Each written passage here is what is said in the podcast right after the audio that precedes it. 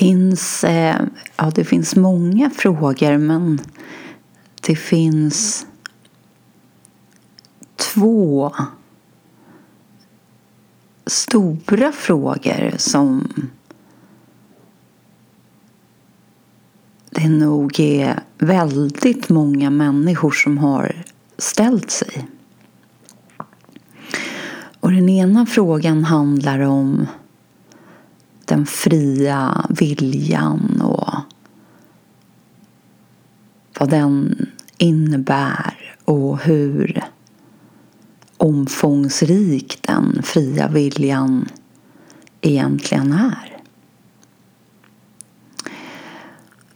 Och den andra frågan rör öde och hur mycket som egentligen är ödesbestämt eller förutbestämt eller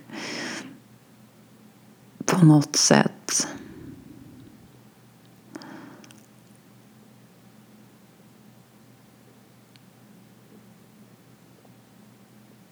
har att göra med någon form av överordnad plan eller någonting som gör att det kanske eller kanske inte finns utrymme för alternativ. Och igår så lyssnade jag på en man som heter David Godman. Och eh, han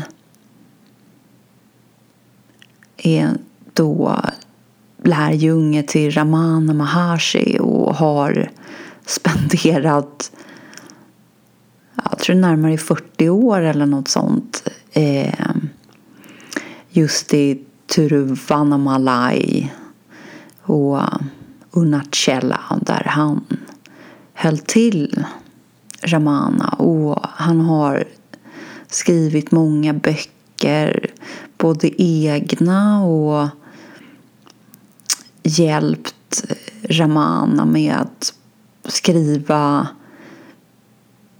eller färdigställa och sammanställa hans egna dagboksanteckningar och hans egna ja, han hade en del egna reflektioner och sånt som han skrev ner när det kom och insikter naturligtvis. Och har även editerat och strukturerat och, och gjort i ordning dem och släppt som böcker. Så att det är ett antal böcker. Ehm, och under alla de här åren som han har befunnit sig hos Ramana och har han ju såklart bevittnat och observerat väldigt många sökare av sanningen eh, och också sådana som hängivet har fokuserat på Raman av olika anledningar som har kommit till honom och säkert också vistats där ett tag. Eh, och en hel del också samtal och dialoger. Så David Godman, kan man säga, han är som en sofistikerad Google-motor för Ramanas alla uttalanden och eh, hans, eh, om vi ändå får kalla det för lära och hans tydliga vägalternativ till det vi kanske någonstans ändå ska kalla för målet här som då handlar om oss själva. Så oavsett vad människor frågar honom om och det var just det som var gårdagens avsnitt att flera olika personer hade skickat in frågor till David och han läste upp de här frågorna och sen svarade han så gott han kunde utgående från att referera till i princip allt det som Ramana någonstans hade sammanfattat eller hade sagt eller hade svarat på kanske exakt de här frågorna eller motsvarande frågor. Så en fantastisk man, en fantastisk källa till hög visdom och kunskap. Och David själv är född i Storbritannien, England och har bland annat gått på Oxfords universitet. Och eh, det märks också när han pratar att han säkerligen har eh, ställt många av de här frågorna också själv. Kanske under årens lopp och vem vet, jag tror inte fortfarande, det känns inte så. Men, men han känner igen sig och han, ja, jag kan rekommendera, det finns en, han har en sida där han också har lagt upp eh, det material, även filmmaterial som han har varit med och tagit fram om Ramana. Och, och han har även träffat pappa G som då också var lärjunge till Ramana. Så ehm, det finns massor där. Men det var då en av de här människorna som hade skickat in frågor som också skickade in en fråga om just det här med ödet och vad som är ödesbestämt eller förutbestämt. Och hans fråga var helt enkelt, är allt förutbestämt? Och när han använde just då uttrycket allt så syftade han både på allt det som händer i världen inklusive allt det som då händer och kommer fortsätta hända med det han uppfattar som sin egen form. Även inkluderat tankar. Så är, är det också så att alla tankar som kommer tillhör de också något slags förutbestämt. Någonting som vi kan kalla för ödet. Och indirekt blir det ju också då en fråga vad, vad kvarstår i så fall? Eh, var i ligger då det vi skulle kunna kalla för någon slags fri vilja? Och David han eh, svarade som vanligt oerhört påläst på alla sätt. Ehm, och essensen i svaret var väl just att sett ur Ramanas perspektiv så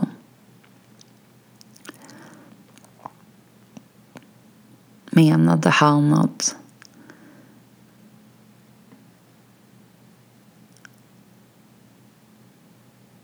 det kan tyckas, och det är säkert ur ett visst perspektiv också i princip så är allting förutbestämt.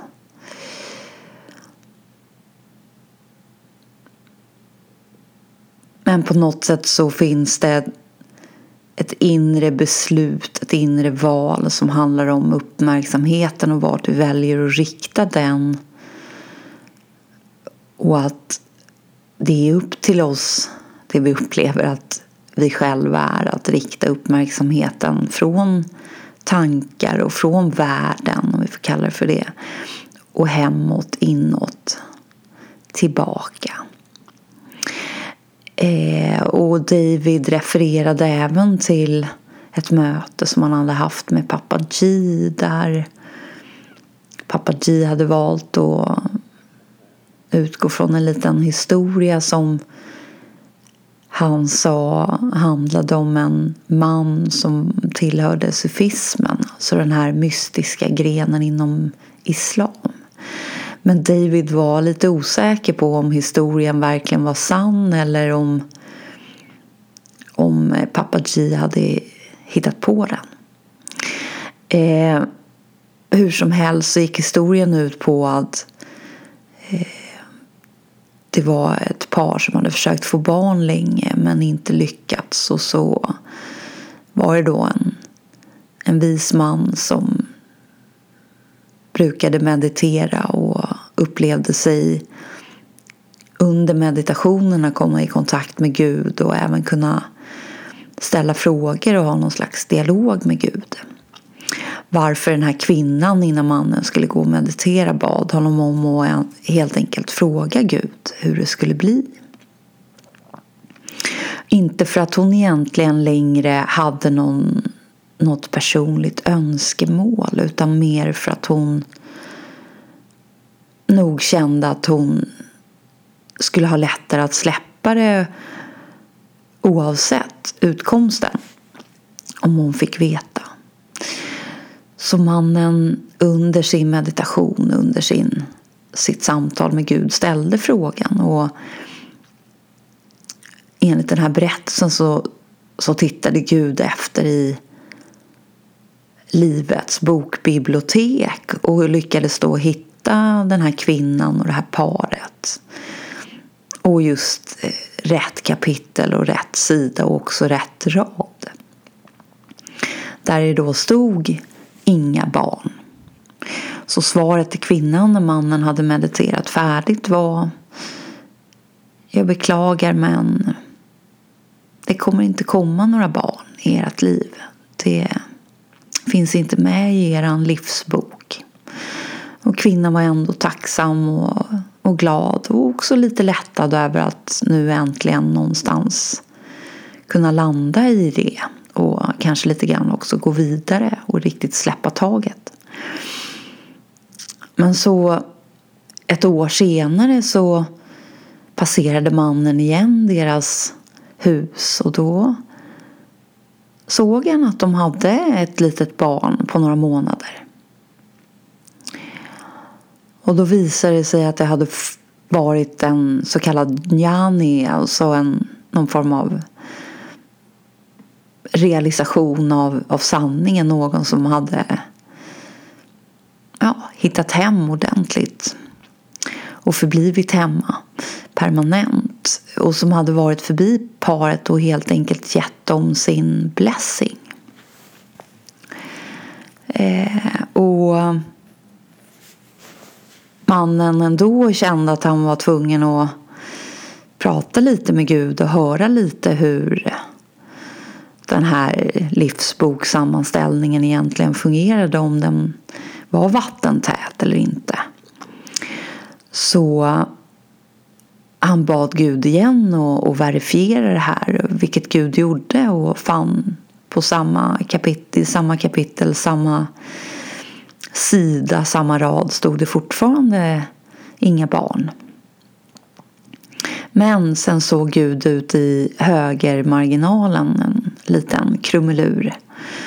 Och då sa Gud, ja men nu förstår jag. Det, det här, den här krumeluren det handlar om att de har fått sin blessing av en jani och då, då kan lite vad som helst hända. Då gäller inte längre det som är förutbestämt. Det som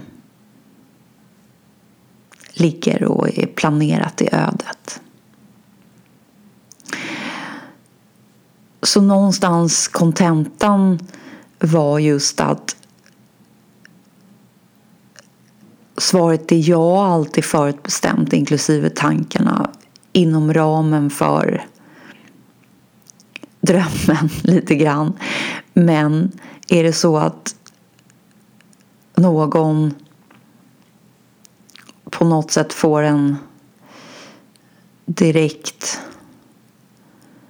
blessing eller det sägs ju också att det räcker med en blick eller en handpåläggning eller vad det nu kan vara och även faktiskt klargjorde David att det måste ju inte vara i fysisk form heller utan det kan ju också handla om att man upplever sig få en inre blessing för att man hängivet följer någon, vi får kalla det för mästare eller njanis lära och pekare. Och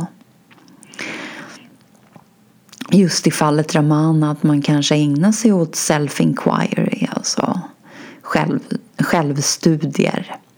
Eh, eller eh, upplever sig ha lämnat över ordentligt.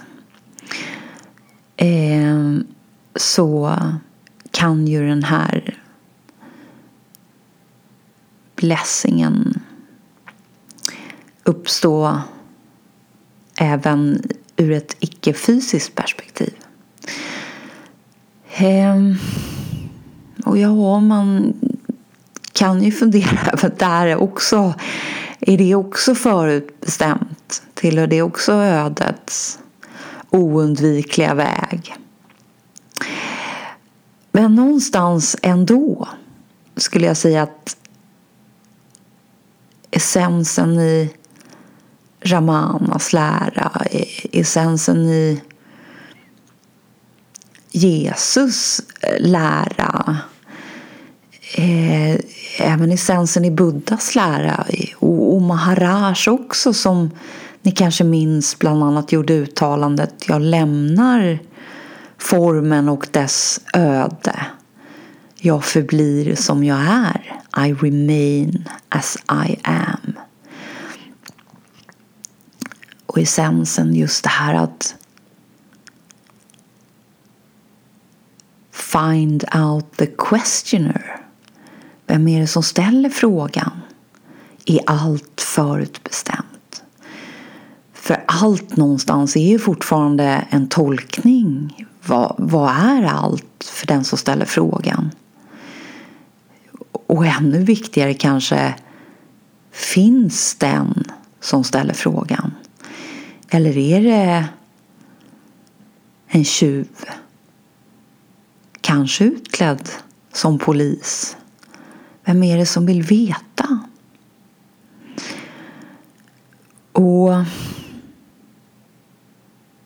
det var faktiskt det jag kände lite när jag satt där och lyssnade. Att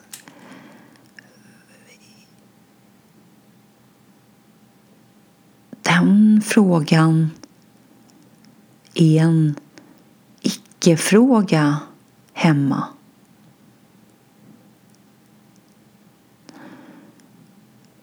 Den frågan kan inte överleva hemma. Den bränns upp.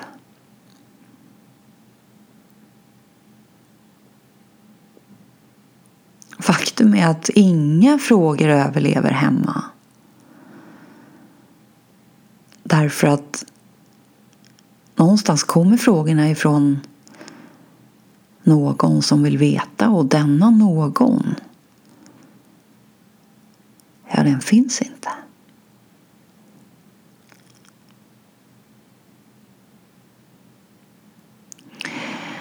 Och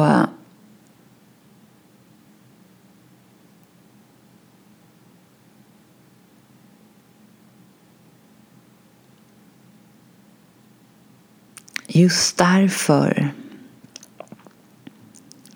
är det mycket viktigare att lyssna på den intuitiva rösten. Därför att den är ett med alla svar som finns inom oss.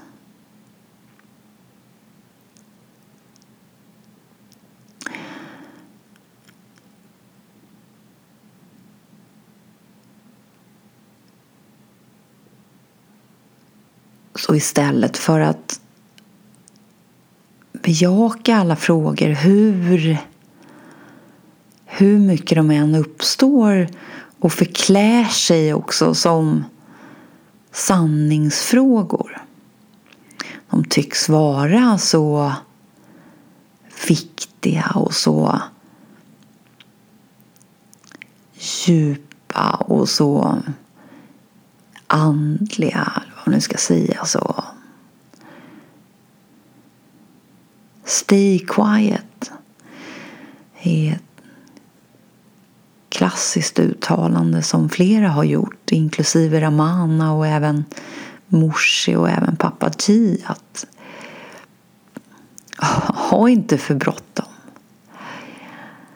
Det är...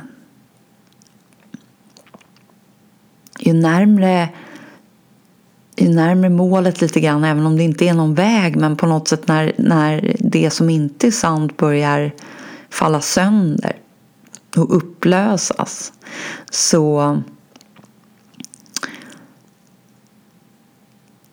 framträder de här lite djupare frågorna. De kanske har funnits med innan också men det kanske mer har handlat om att vi går till någon som kan ge oss lite vägledning blickar blicka lite grann framåt i våra liv och se vilka händelser som kommer runt hörnet. Att det är mer där vårt intresse har funnits. Kanske inte den stora frågan är allt förutbestämt och i så fall kan du se allt som ska hända utan det har handlat kanske om hur kommer det här lösa sig i mitt liv nu? Kommer det bli bra eller kommer jag träffa någon? Eller kanske faktiskt till och med kommer det bli några barn? Och så vidare. Och så när det där lite grann börjar rämna så uppträder eller framträder istället frågan är allt förutbestämt?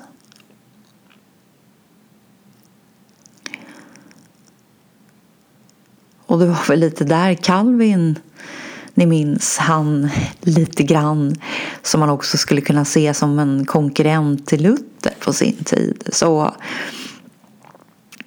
eh, han var ju övertygad om att allt var förutbestämt och att inklusive räddning eller salvation som, som han såg mer vilka som skulle bli räddade och till slut någonstans få någon slags evigt liv och evig, ja vad det nu var, i något slags efterliv. Så det har lite grann alla, alla får följa vägen men vissa av er tyvärr, ni, ni kommer aldrig komma fram och, och ni andra grattis. Så det var lite som att man hade en lott och så fick man gå i den där kön, lotterikön och så fick man se när man kommer fram om, ja, om det gick bra eller inte. Eh, och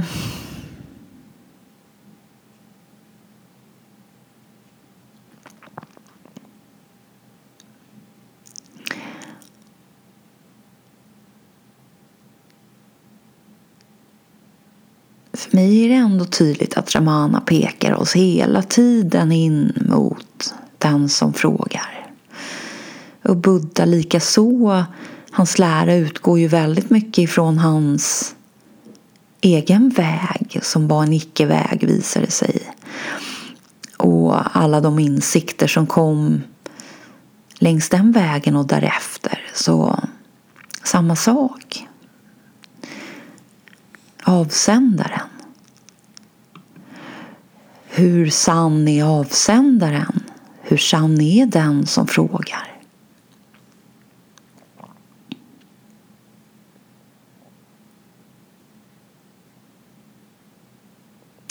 Och genom att rikta uppmärksamheten hemåt, tillbaka så blir vi bevittnandet. Och vi blir ju inte, men vi upplever oss mer vara bevittnandet. Den som är medveten om tankar inklusive frågeställningar som kommer. Och eh, den här rösten, den är ju på något sätt mindre angenäm och mindre lockande när den är destruktiv eller negativ eller vad det nu kan vara. Men, men när den plötsligt kommer och verkar vilja hjälpa oss i vårt sökande, ja men då är det ju lätt att förledas in i och tro att den på något sätt är där för att hjälpa oss. Men vi är inte två och än mindre fler.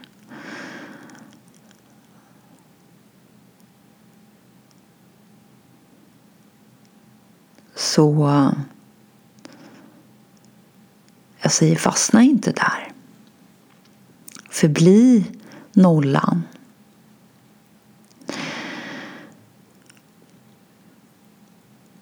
En annan sak som dök upp under den här frågestunden var just det här med att bevittna tankar och känslor och just förbli i positionen vittnet. Och det finns även en form av meditation eh, som också ingår i eh, den åttafaldiga vägen. Så där finns med ett antal olika meditationsfaser. Och just den här delen kallas för vipassana och det betyder helt enkelt insikt. Så någonstans, och den meditationen handlar väldigt mycket om att förbli bevittnandet. Och neutralt, att inte gå in i det som kommer, i det relativa, det som någonstans passerar. Och insikten eller insikterna kommer komma tack vare distansen mellan det vi upplever oss vara och det som passerar just. Som till en början också verkligen känns som ett med den vi är. Men när vi blir ett tyst vittne, när vi backar lite grann så är det som att det blir ett automatiskt ett utrymme mellan där vi upplever att vi befinner oss och det som kommer och som också faktiskt passerar när vi inte identifierar oss som en mottagare och dras med. Eh, och successivt så kommer det där då automatiskt leda till ett perspektivsskifte eh, där tingens natur, objekten, alltså lite grann i grunden koncepten som bygger upp vår världsuppfattning och vår världsbild, de ändras. Så insikten pekar in mot att helt enkelt gå till botten med världens sanna natur lite grann. Är den så som jag har tyckt att den är? Är det som jag har tyckt var sant sant eller inte lite grann? Och det där är då en process som någonstans lite grann sker av sig självt när vi förblir vittnet och i vittnets position. Men Ramanas svar då som David Godman refererade till här handlade just om att även här är uppmärksamheten lite grann faktiskt ändå trots allt riktad utåt. Även om vi har backat en bra bit ifrån att vara identifierade med rösten i huvudet och som en ägare av känslor och tankemönster eller tankelopar. Även om vi har backat så är, har vi fortfarande lite uppmärksamheten riktad mot det relativa, mot det som kommer och går. Även om vi förblir neutrala och inte går in i någonting så är uppmärksamheten fortfarande lite grann blicken är vänd lite åt det hållet.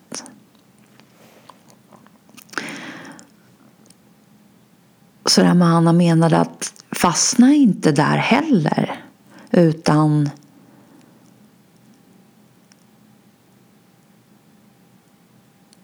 fäst uppmärksamheten hemma, det vill säga i, i och på ert eget varande och ingenting annat.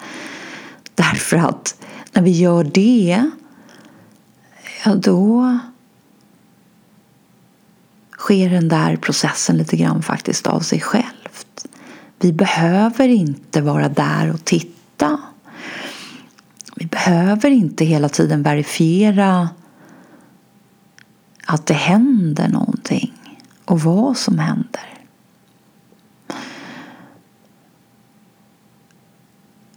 Och vipassana är inte det slutgiltiga i den buddhistiska åttafaldiga vägen. Det är ett steg.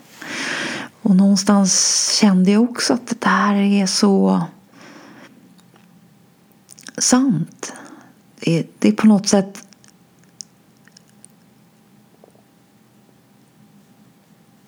Det är så lätt att fastna lite grann i olika steg därför att de, de upplevs hela tiden vara en stor förbättring och en stor skillnad jämfört med det som tidigare var känt. Men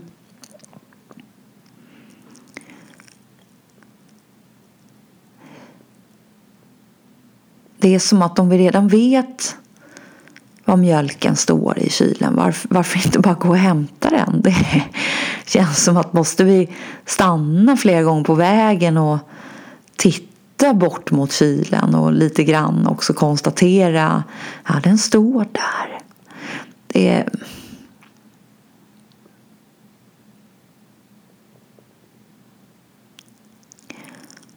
Det känns som att det är lätt att bli distraherad där på vägen annars ändå. Så någonstans även här att när vi förblir hemma med vår uppmärksamhet, hela vår uppmärksamhet.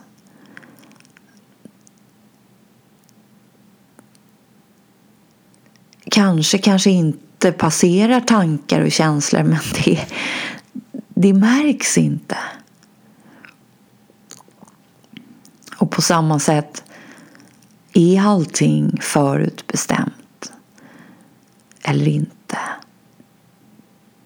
Den frågan finns inte där. Därför att den som ställer den frågan finns inte där.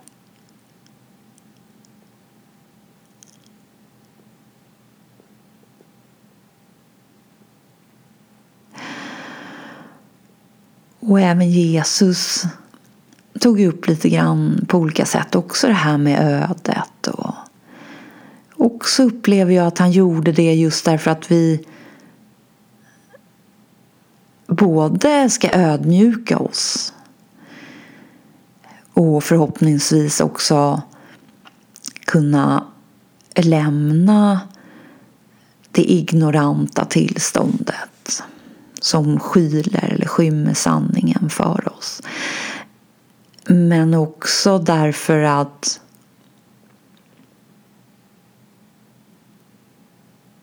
det är en tydlig pekare mot sanningen. Och han säger bland annat att ni kan varken göra ett hårstrå svart eller vitt på ert eget huvud.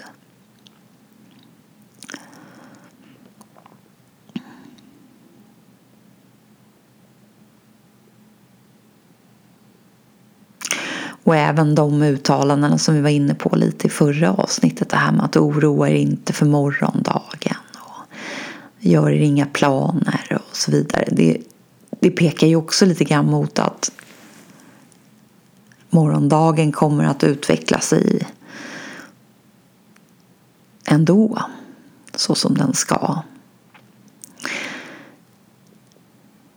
Och när han säger till lärjungarna också, ta ert kors och följ mig. Och även till andra uppmanar han om det.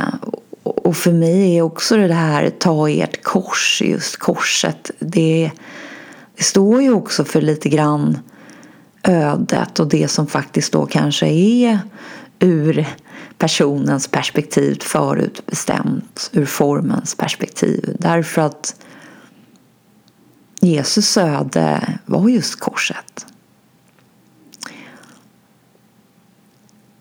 Det var något han inte kunde backa ut ifrån. Och ni minns kanske också hans lite grann bön till Gud när han fortfarande befann sig i trädgården innan de hade kommit för att ta någon till fånga. Och han översköljdes av lite grann vånda inför det som han någonstans indirekt visste var ett oundvikligt faktum. Det skulle ske. Han var ju väldigt medveten om sitt öde någonstans, formens öde. Och lite grann kanske undrar, är, är det nödvändigt allt det här men samtidigt inte min vilja utan din vilja. Han lämnar över sig fullständigt. Den som, den som våndas är inte riktigt sann. Och det löser Jesus genom att helt enkelt lämna ifrån sig känslan av att den skulle på något sätt kunna existera och ha en egen vilja så lämnar han den viljan hos Guds vilja. Eller Faderns. Ehm, så just det här också att ta ert kors och följ mig. Att det kanske finns vissa saker där som tillhör livets algoritm som redan ligger i programmeringskoden.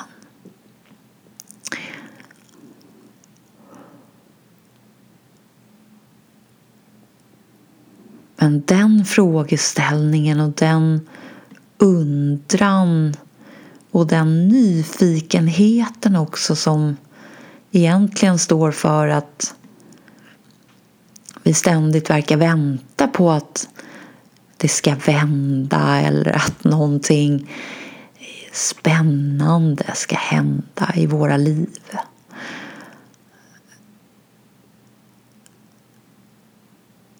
Den är inte heller närvarande hemma. Och en annan sak som Ramana sa när någon frågade honom just om kan, kan du ge mig någonting så att jag vet när jag faktiskt börjar närma mig målet lite grann? Och det ena som han självklart sa var ju att the amount of thoughts you experience. Alltså hur mycket tankeverksamhet som du upplever någonstans. Han sa faktiskt inte som verkligen är där, men som du upplever. Det är ju något slags en indikation på vart din uppmärksamhet befinner sig eh, och hur mycket av din uppmärksamhet också som befinner sig där och indirekt också hur hur långt du har kommit på den här vägen men, men jag vet inte om han sa så men han, han om någon uttryckte just att den här vägen inte är någon väg men, men ändå att just det här hur mycket tankar, hur mycket tankeflöde som existerar. Och det andra var just hur mycket du upplever att det finns en väntan. Hur mycket du upplever att du någonstans väntar på något. Det är också en tydlig indikator.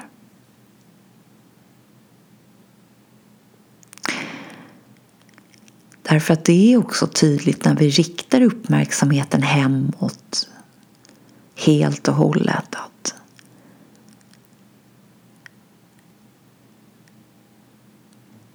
den enda väntan som vi kan uppleva, ja det är ju någon tanke som kommer och säger vad ska hända nu? Här finns ingen väntan. Här finns ingen tid.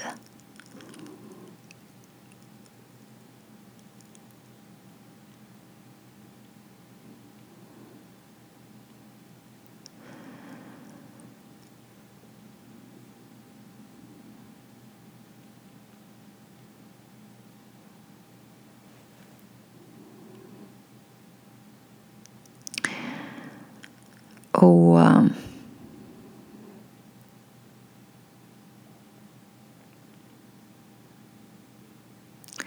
en fråga som jag och Ulf diskuterade en del och vi landade nog aldrig riktigt i ett enhetligt svar. Det handlade om just det här med att permanent någonstans förbli hemma. Det vi kallar för upplysning eller vad det nu kan vara. Ehm, som vi har som benämning. Huruvida det också var förutbestämt eller inte. Ulfs eh, övertygelse där och det handlade också mycket om att han spenderade en hel del tid med Sai Baba som någonstans menade att det var lite grann förutbestämt i, i en inkarnation. Han tillhör ju någonstans trosövertygelsen att vi lever flera gånger och att vi återföds. Och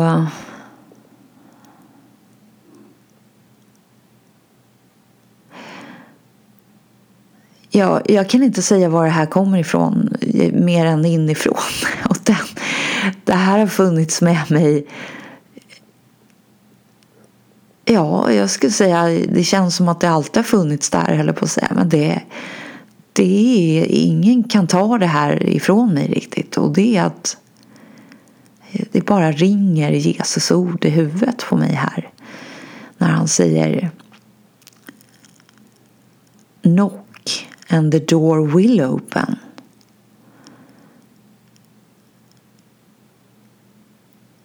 Knacka på dörren och den ska öppnas.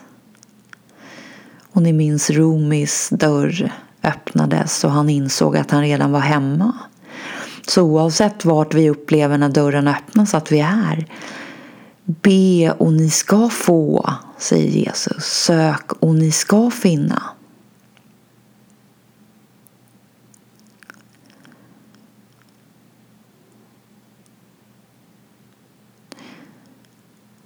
På samma sätt som när jag fortfarande identifierade mig som ett medium och någonstans förmedlade kontakt med andevärlden så var alltid min övertygelse att alla är medier. Det, det är ingen gåva på det sättet att vissa har en och andra inte utan alla kan det. det, det vi kan applicera det här på vad som helst och det om jag på något sätt förleder några nu så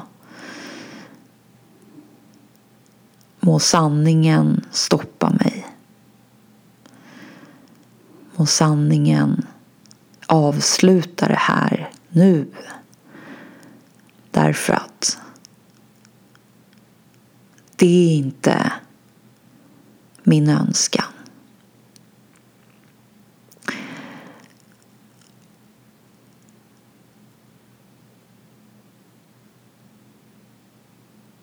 Men om det är sant att om vi söker så ska vi finna och om vi knackar så ska dörren öppnas.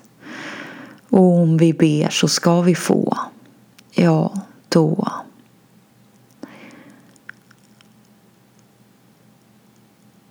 Låt det vara så. För oss alla.